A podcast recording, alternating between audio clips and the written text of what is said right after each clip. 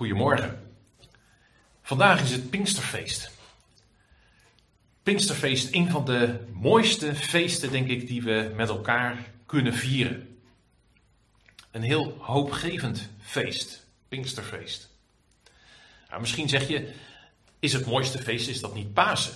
Ik bedoel, bij Pasen dan staan we stil bij wat de Heer Jezus voor ons heeft gedaan, bij zijn dood en opstanding en de bevrijding die hij heeft gegeven. Pasen, dat is toch het mooiste feest? Ja, natuurlijk, laat daar geen twijfel over bestaan. De dood en de opstanding van de Heer Jezus, die zijn de belangrijkste heilsfeiten die er in de geschiedenis zijn geweest. En die er ook voor ons leven, uh, die voor ons leven het meest belangrijk zijn. Zonder Pasen is er helemaal geen feest. Dus inderdaad, uh, Pasen, daarvan zou je kunnen zeggen dat is het grote feest. Daar draait de hele wereldgeschiedenis om. En je mag ook zeggen, als je gelooft wat de Heer Jezus gedaan heeft bij Pasen, als je gelooft, als je vertrouwt op zijn redding door zijn dood en opstanding, dan geldt dat ook voor je eigen leven. Dan uh, ben je met Christus gekruisigd en dan mag je met Hem een nieuw leven beginnen. Dat is ook voor jouzelf dan ja, het meest centrale, uh, gedenkwaardige feest wat je maar kunt bedenken. Dus in die zin Pasen natuurlijk, dat staat helemaal centraal. Maar als je bij Pasen denkt dat je een nieuw leven mag beginnen door wat de Heer Jezus heeft gedaan, dan sta je er bij Pinksteren bij stil hoe je dat leven leeft in het leven van alle dag. Als je bij Pasen eraan denkt dat je een kind van God mag worden, een baby in het geloof, een, een nieuw leven mag beginnen, dan sta je er bij Pinksteren bij stil hoe je dat leven daadwerkelijk leeft, hoe je opgroeit. Want het is natuurlijk niet de bedoeling om altijd een baby te blijven. Anders gezegd, als je stilstaat bij Pasen, bij de bevrijding die de Heer Jezus heeft gegeven, dan sta je er bij Pinksteren bij stil. Hoe leef je nou als bevrijd mens in de praktijk van alle dag? Daarom is Pinksteren een feest waarbij het erom gaat van hoe we met onze beide voeten in de modder staan, in, de, in het leven van alle dag en hoe we daar naar Gods wil kunnen leven. En dat is het mooie van Pinksteren. Ik weet niet hoe het u vergaat, hoe het jou vergaat, maar er zijn vaak dingen waar ik en u of jij misschien ook wel niet leeft zoals God dat wil. Ja, nou ja, niet in hele grote dingen misschien. Uh, ik pleeg geen moorden. Ik heb nog nooit een overval gepleegd. Ik lieg niet. Nou ja, niet over hele, hele grote dingen. Nou ja, niet over grote dingen.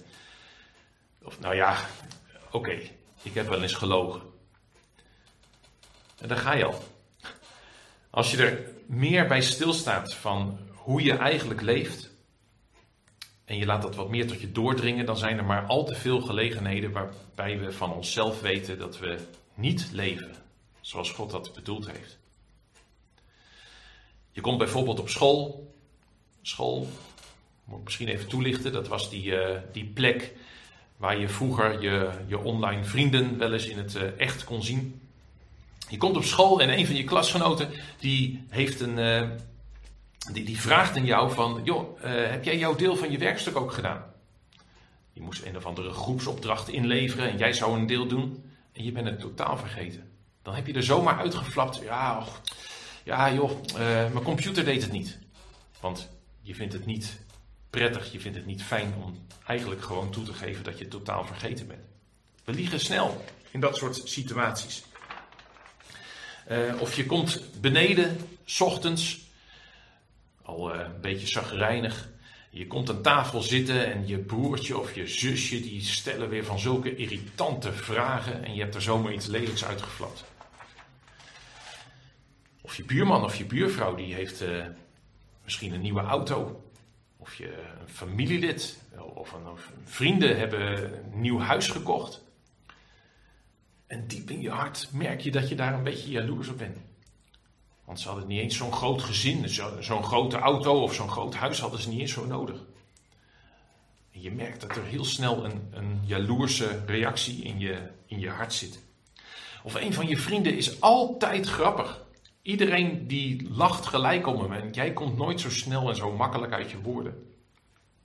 Dan kan je maar zo jaloers worden. Of je bent op een feestje en ja, je drinkt een biertje en nog één en nog één.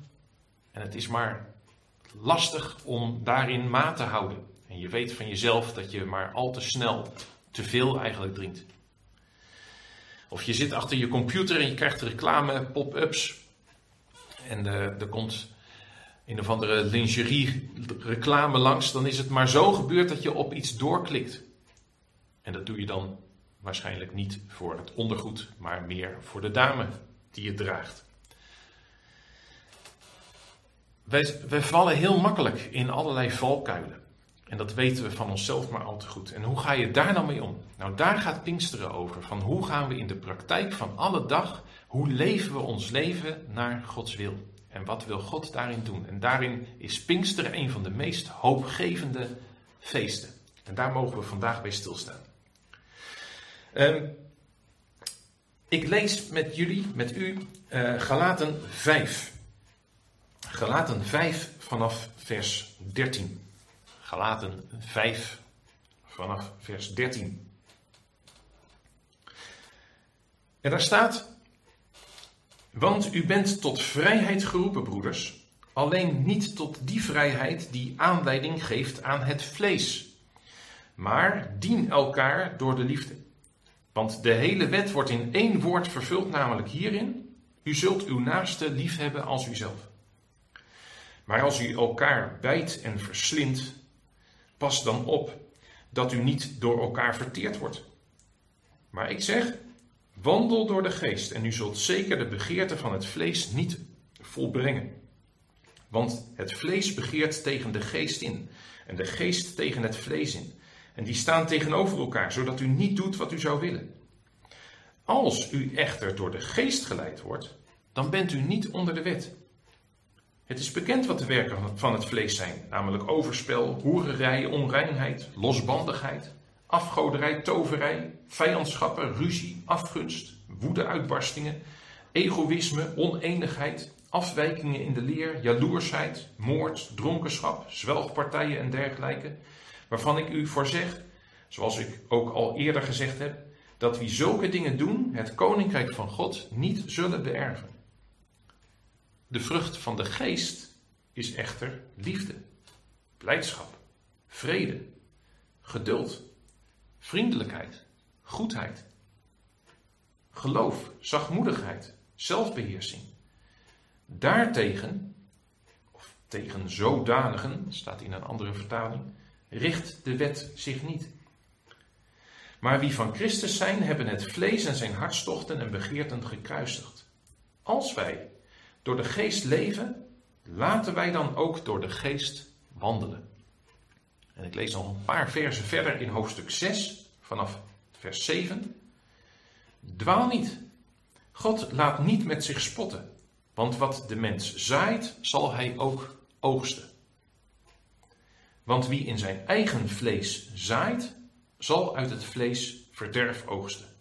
Maar wie in de geest zaait, zal uit de geest het eeuwige leven oogsten. En laten wij niet moe worden goed te doen, want te zijner tijd zullen wij oogsten als wij het niet opgeven. Prachtige woorden, waar Paulus het heeft over wat Gods geest in ons doet. Nou, als eerste, uh, Paulus staat stil bij de bevrijding van de Heer Jezus. De bevrijding die de Heer Jezus gegeven heeft. Datgene wat we met Pasen hebben herdacht. Dat noemt hij in vers 13. Want u bent tot vrijheid geroepen, broeders. Alleen niet tot die vrijheid die aanleiding geeft aan het vlees. We zijn dus bevrijd door de Heer Jezus. Maar die bevrijding, daarvan is het niet de bedoeling dat we nog steeds als slaaf van de zonde leven. Dat we als slaaf van onze eigen verlangens leven. Het is niet de bedoeling dat uh, we in een vrijheid leven die aanleiding geeft aan het vlees. Dat is een beetje ouderwets taalgebruik. Maar Paulus die ligt toe even later wat hij met het vlees bedoelt. Dat zijn onze eigen zondige verlangens.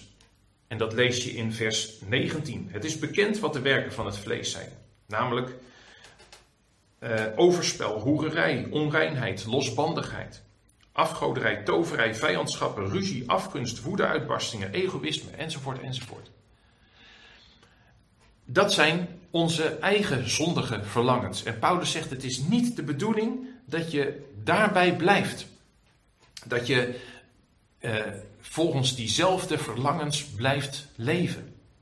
Dat zijn precies die dingen, volgens mij, die we bij onszelf ook merken. Misschien niet dingen als moord of toverij. Die herken je misschien in je eigen leven wat minder. Maar ruzie, jaloersheid, egoïsme, al dat soort dingen, die herkennen we maar al te goed in ons eigen leven.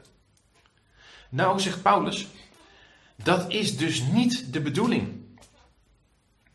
Ja, denk je nu, hè, hè, dat had ik zelf ook wel kunnen bedenken. Dat is niet de bedoeling. Ja, goed, toch is het goed om, dat even, om daar even bij stil te staan. Want ik merk zelf in mijn eigen leven tenminste dat ik maar al te snel dingen in mijn eigen leven een beetje goed praat. Als ik ze doe. Uh, natuurlijk zeg ik dan, of denk ik dan, liegen is niet de bedoeling, maar ja, in dit geval. Of uh, echt egoïsme, ja, natuurlijk, dat, dat is niet goed. Maar dit. Of uh, we praten het een beetje goed in de zin van, ja, nou ja, kijk, het is eigenlijk niet de bedoeling, maar ja, we leven toch in een gebroken wereld. En dan leggen we ons eigenlijk bij het verkeerde in ons leven neer. We kunnen er niet zo heel veel aan doen. Het is nou een keer zo. Nee, zegt Paulus. Nee. Dit is niet Gods bedoeling. En we moeten ons daar niet bij neerleggen. Het is niet, wij zijn niet tot een vrijheid geroepen die aanleiding geeft voor het vlees, die, dus waarmee we onze eigen verkeerde verlangens blijven voeden. Dat is niet de bedoeling. Eh, in vers 21 zegt Paulus dat ook heel duidelijk. Als je op het spoor verder gaat van je eigen verkeerde verlangens, dan zegt hij in vers 21, waarvan ik u, uh, u voor zeg, zoals ik ook al eerder heb gezegd, dat wie zulke dingen doen, dus als je op dat spoor verder blijft gaan, het koninkrijk van God niet zullen beërven. Dat zijn ernstige woorden. We mogen ons daar niet bij neerleggen. Wat is dan wel de bedoeling? Nou, dat zegt hij in vers 13 en 14 ook. Uh, dien elkaar door de liefde. De hele wet wordt in één woord vervuld. Namelijk hierin, u zult uw naaste lief hebben als uzelf. Dat is wel de bedoeling. Maar in de praktijk is dat zo lastig. En in de praktijk merken we maar zo, zo al te makkelijk dat die verkeerde verlangens in ons leven er zijn en dat we er soms aan toegeven. Nou, dan volgt een prachtig gedeelte. En ik vind dit misschien wel een van de mooiste Bijbelteksten, of in, de zin van een van de meest bemoedigende Bijbelteksten in het Nieuwe Testament. Vers 16. Eerst zegt hij in vers 15: Als je constant ruzie maakt, ik zeg het even in eigen woorden, dan gaat het niet goed. Hij waarschuwt daarvoor. Uh, hij zegt het zo, maar als u elkaar bijt en verslindt, pas dan op dat u niet door elkaar verteerd wordt. Dat je door dat ruzie maken niet uh, uiteindelijk jezelf kapot maakt. Maar, zegt hij dan, ik zeg u, wandel door de geest en u zult zeker de begeerte van het vlees niet volbrengen. Want het vlees begeert tegen de geest in en de geest tegen het vlees in. En die staan tegenover elkaar, zodat u niet doet wat u zou willen. Als u echter door de geest geleid wordt, dan bent u niet onder de wet. Prachtige woorden. Prachtige, bemoedigende woorden. En waarom is dit nou zo prachtig? Ik noem een paar redenen die mijzelf opvallen hier. Ik vind het mooi dat, wat de, dat is de eerste reden waarom ik dit zo mooi vind. Uh, Paulus is hier heel realistisch. Paulus zegt gelukkig hier niet, als je merkt dat je die, die neigingen van het vlees in je hebt, die zondige neigingen, die verkeerde verlangens, nou dan zit het niet goed met je, dan ben je geen christen. Want in mijn eigen leven heb ik nergens last van.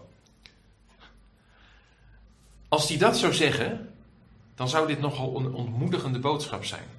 Maar nee, zegt Paulus, die strijd, de strijd tegen jouw zondige verlangens, die hoort erbij. Die hoort erbij in het leven van een christen. Jouw vlees voert strijd tegen Gods geest. En als het goed is, merk je wat van die strijd in je leven.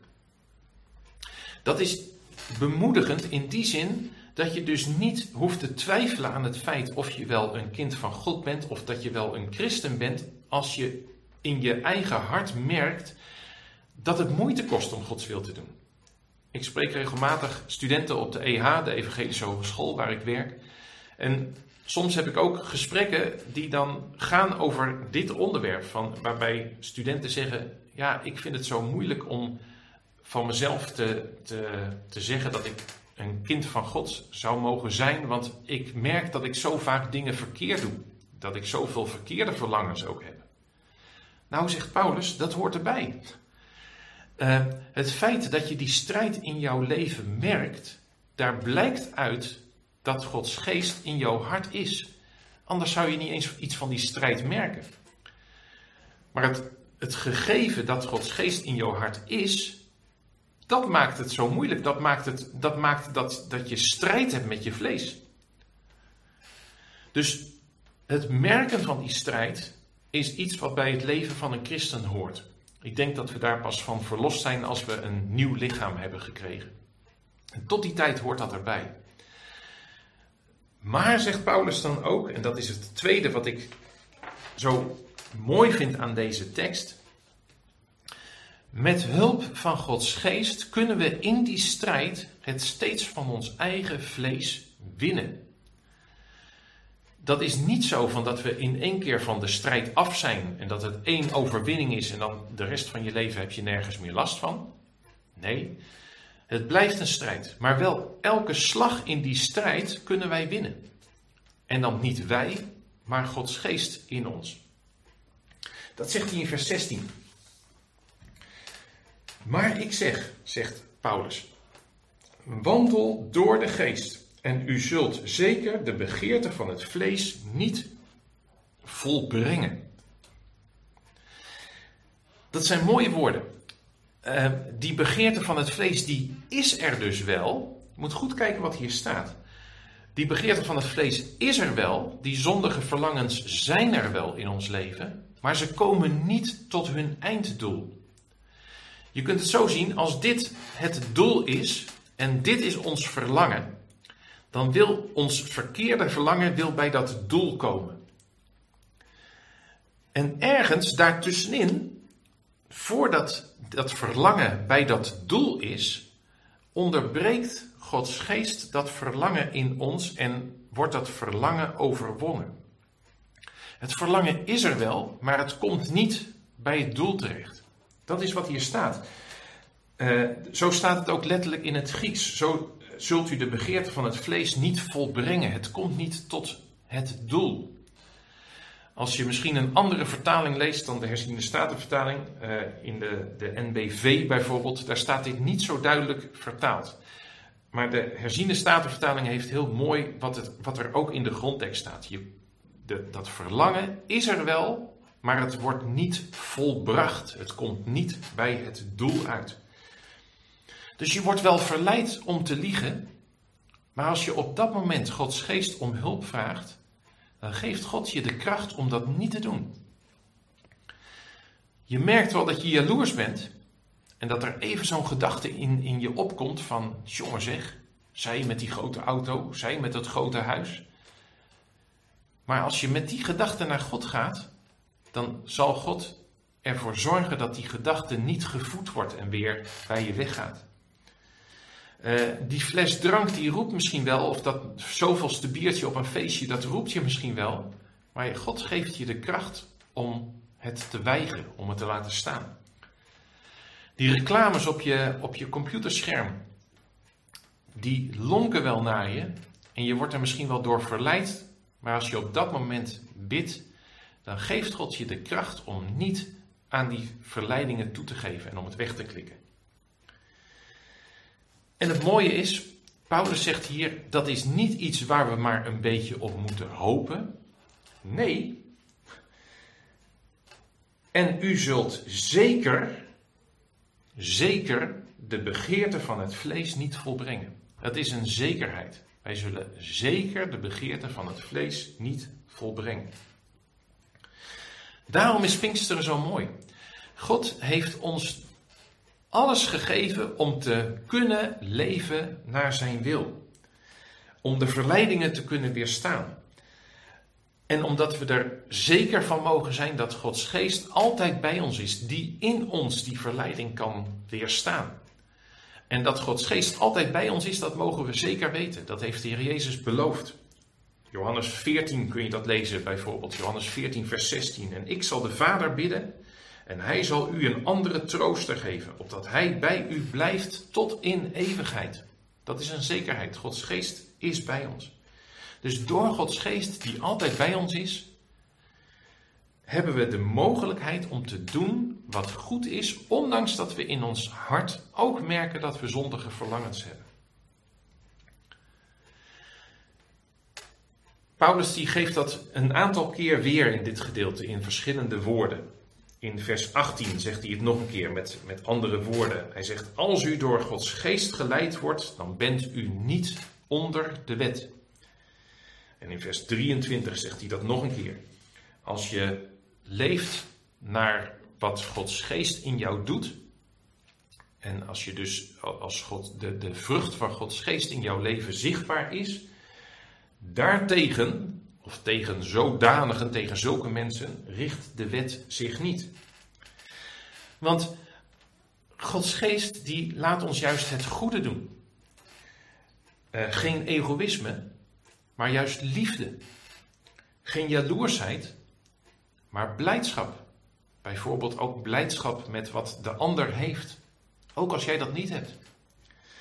Geen ruzie, maar vrede. Geen partijschappen en oneenigheid, maar geduld, vriendelijkheid, goedheid. Geen afgoderij en toverij, maar geloof of vertrouwen op God. Geen woedeuitbarstingen, maar zachtmoedigheid. Geen onreinheid, geen dronkenschap, maar zelfbeheersing. Als je zo leeft, dus als je volgt wat Gods geest in je hart doet, dan richt Gods wet zich niet tegen jou. Dat is een thema wat Paulus al eerder in de brief heeft besproken. Uh, hij zegt in hoofdstuk 3, vers 10, dat ieder vervloekt is die zich niet houdt aan de woorden die in Gods wet geschreven staan. Dus je bent vervloekt als je je daar niet aan houdt. Nou, als hij dus dan zegt in, vers, in 5 vers 23 dat de wet zich niet richt tegen wie uh, leeft volgens de vrucht van Gods geest, dan kan de conclusie dus eigenlijk alleen maar zijn: uh, Gods geest leeft zo in jou dat jij de bedoeling van de wet naleeft. Gods geest houdt zijn geboden in jou. Dat is niet een, een eigen prestatie, dat is niet iets wat jij zelf doet, maar dat is iets wat Gods geest in jou doet. Eh, daarom ben je ook niet zelf onder de wet, want jouw oude leven is gestorven. Je hebt een nieuw leven ben je begonnen en daarin heeft Gods geest het voor het zeggen en Gods geest doet dat in jou. Nou is dat, zoals Paulus dat zegt, is dat iets wat je moet doen en het is iets wat Gods geest in je doet. Dat is misschien een beetje verwarrend. Het is aan de ene kant actief, het is aan de andere kant passief. Het is iets wat Gods geest doet, maar Paulus geeft ook de opdracht: wandel naar Gods geest. Dat is een opdracht. Of laten wij dan wandelen. Dat is een opdracht. Of in uh, hoofdstuk 6, vers 8, zaai in de geest. Dat is een opdracht. En hoe zit dat dan? Het is aan de ene kant iets wat God doet, aan de andere kant iets wat wij moeten doen. Hoe moet je dat zien? Nou, misschien een, een voorbeeld wat daar een beetje bij kan helpen. Uh, ik heb nog niet zo lang geleden, een jaar ongeveer, heb ik een, uh, een hele snelle elektrische fiets gekocht, zo'n speed pedelec. Uh, met dat ding kun je 45 of als het windstil is, kan je zelfs 50 km per uur fietsen. Uh, Chris die, is er nog steeds jaloers op, weet ik. Maar hij weet nu wat je daartegen moet doen. Met zo'n fiets kan je ontzettend snel fietsen. Dat ding dat fietst heerlijk, want je hoeft maar heel dicht te trappen en je gaat als een speer vooruit. Als ik zelf 45 of 50 km per uur zou willen fietsen met die fiets, dan moet ik dat gelijk opgeven. Dat, dat lukt mij niet. Nou, of het lukt me nou heel kort, heel even, een paar seconden. Kan ik net de 45 aantikken en dan ben ik zo buiten adem dat ik het niet meer red. Dus zonder dat de motor van die fiets aanstaat, het is een behoorlijk zware fiets, zonder dat die motor aanstaat, dan is het bijna niet te doen om zo hard en zeker om langdurig met dat tempo te fietsen. Dus kan ik zeggen dat ik zelf zo hard fiets als ik een rit maak van een uur en ik krijg gemiddeld 45 kilometer? Nee, natuurlijk niet. Dat is niet mijn prestatie. Dat is helemaal die motor en die fiets die dat doet. Dus de motor doet het. Maar tegelijkertijd, er is, er wel iets wat ik moet doen. Ik moet bijvoorbeeld wel trappen. Als ik helemaal niks doe, dan kom ik niet vooruit. Nou, zo is het hier ook. Het is aan de ene kant is het iets wat wij moeten doen. We moeten wel trappen, we moeten bewegen. Maar tegelijkertijd ja, is het natuurlijk absoluut niet iets waar wij onszelf voor op de borst kunnen kloppen. Van alsof wij zelf iets zouden kunnen doen daaraan. Het is de motor die het doet in de fiets. Nou, even hierop doorgaand, op die, die snelle fiets. Ehm, want volgens mij kunnen we er nog iets van, van leren. Ehm, er zijn een aantal dingen die je moet doen om te zorgen dat je op die fiets kunt fietsen. Het eerste is, je moet trappen. Als je niet trapt, gebeurt er niks. Het tweede is, je moet de ondersteuning aanzetten, de motor aanzetten. Als ik die uitlaat, dan komt die fiets nog niet snel vooruit. Dus je moet de motor aanzetten. En het derde is, je moet niet de rem inknijpen. Want op het moment dat je de rem inknijpt, dan uh, werkt de motor minder goed. En die stopt er dan mee. Dus trappen, de motor aanzetten en niet remmen. En dat is volgens mij in ons leven met God ook zo. Uh, we moeten zelf bewegen. Uh, Paulus die noemt het zaai in de geest. Je moet zelf iets doen. Wandel naar Gods geest. We moeten zelf trappen. We moeten zelf iets, iets gaan doen. Dus we moeten zelf gaan bewegen in de richting van het goede. Datgene waarvan we weten dat het goed is, dat moeten we beginnen te doen. Maar dan moeten we ook daar de ondersteuning bij aanzetten. Op de fiets. En zo ook, zo moeten we ook Gods geest om hulp vragen om dat te doen wat we, uh, wat we uit onszelf niet kunnen. Want zelf halen we niet 45 of 50 km per uur. Daar hebben we die ondersteuning bij nodig. Zelf redden we het niet om niet jaloers te zijn. Zelf redden we het niet om, uh, om niet uh, op een verkeerde manier boos te zijn. Of, dat, dat halen we niet. Dus daar hebben we de, de ondersteuning van Gods geest van nodig, bij nodig. En we moeten daar in Gods geest de ruimte geven in ons leven. En het derde is, we moeten niet de remming knijpen. En dat is ook een, ja, volgens mij kan je zeggen, we moeten niet die dingen doen waarvan we nuchter kunnen vaststellen dat ze niet helpen.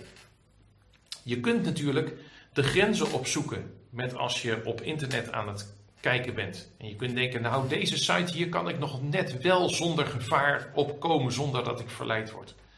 Of hier kan ik nog net wel naar kijken zonder dat ik onreine gedachten heb. Dat kan, maar als je de grenzen daarmee opzoekt, is dat volgens mij hetzelfde als op de fiets de remmen inknijpen. Uh, je, je doet iets waarvan je nuchter kunt vaststellen dat het niet helpt. Dat is wat Paulus in hoofdstuk 6 noemt, volgens mij, het zaaien in je vlees. Dan uh, doe je die dingen die eigenlijk de fiets afremmen. Wat niet helpt om Gods wil te doen.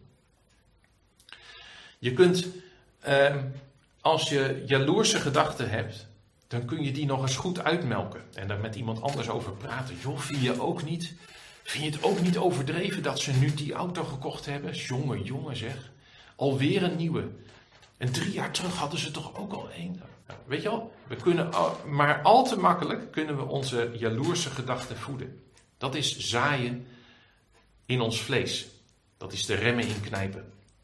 Datgene doen waarvan we nuchter kunnen vaststellen dat helpt niet om Gods wil te doen.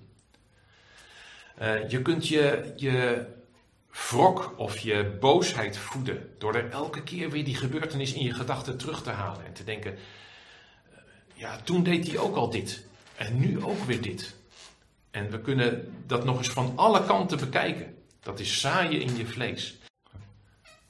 Ze zeggen wel eens: alles wat je aandacht geeft, dat groeit. Dat is hier ook. Alles waar wij veel aandacht aan besteden, dat zorgt ervoor dat, dat, het, dat het groter wordt. Nou, zo, ook, kunnen we, zo kunnen we onze eigen boosheid, onze eigen jaloezie, dat onze eigen egoïsme, we kunnen dat een beetje tot bloei laten komen. Maar dat is niet de bedoeling. Uh, dat is in de rem knijpen, dat is zaaien in ons vlees. Je kunt ook zaaien in Gods geest. Gods geest de ruimte geven. En ik denk dat wat je dan doet, dat is bidden om hulp. Niet je boosheid of je jaloezie met iemand anders bespreken, maar ermee naar God gaan. Heren, ik denk nu dit. Wilt u me daarbij helpen? Want ik merk dat ik het niet goed kan, uh, dat ik het niet goed kan loslaten. Dat is zaaien in Gods geest. Dus beweeg naar het goede. Ga trappen in de goede richting. Vraag God om hulp. Zet de ondersteuning aan. En knijp niet ondertussen de remmen in. Houd niet vast aan die dingen waarvan je weet dat ze eigenlijk niet helpen. Tot slot nog één ding. Uh, ik vind het mooi dat er in hoofdstuk 6 dat Paulus daar zegt dat het gaat om zaaien en oogsten. Uh, als je zaait in je vlees of zaait in Gods geest, dan zul je op een gegeven moment een oogst krijgen. Daar zit tijd tussen. Er zit tijd tussen zaaien en oogsten. En zo ook hier. Uh, ik denk dat het goed is om met dit soort dingen, die dingen waarvan we in onszelf, in ons eigen leven merken dat die moeilijk zijn, dat, uh, dat we daar goede gewoonten in aanleren. En daar zit tijd tussen. En dat lukt niet altijd. En soms dan zal je jezelf weer voor je hoofd staan dat je denkt, ben ik weer in diezelfde valkuil getrapt. Laat je daarin niet ontmoedigen. Er zit tijd tussen. Uh, maar uiteindelijk zul je wel, zal er geoogst worden. En door je een ja, eh, door je aan te wennen om er steeds meer naar God te gaan en om Gods geest om hulp te vragen, zal dat op een gegeven moment ook makkelijker gaan, omdat, dat, ja, om, om, omdat je daar makkelijker bij stilstaat en omdat Gods geest je daarbij wil helpen. Dus laat je niet ontmoedigen, maar ga door op de goede weg die God hier wijst.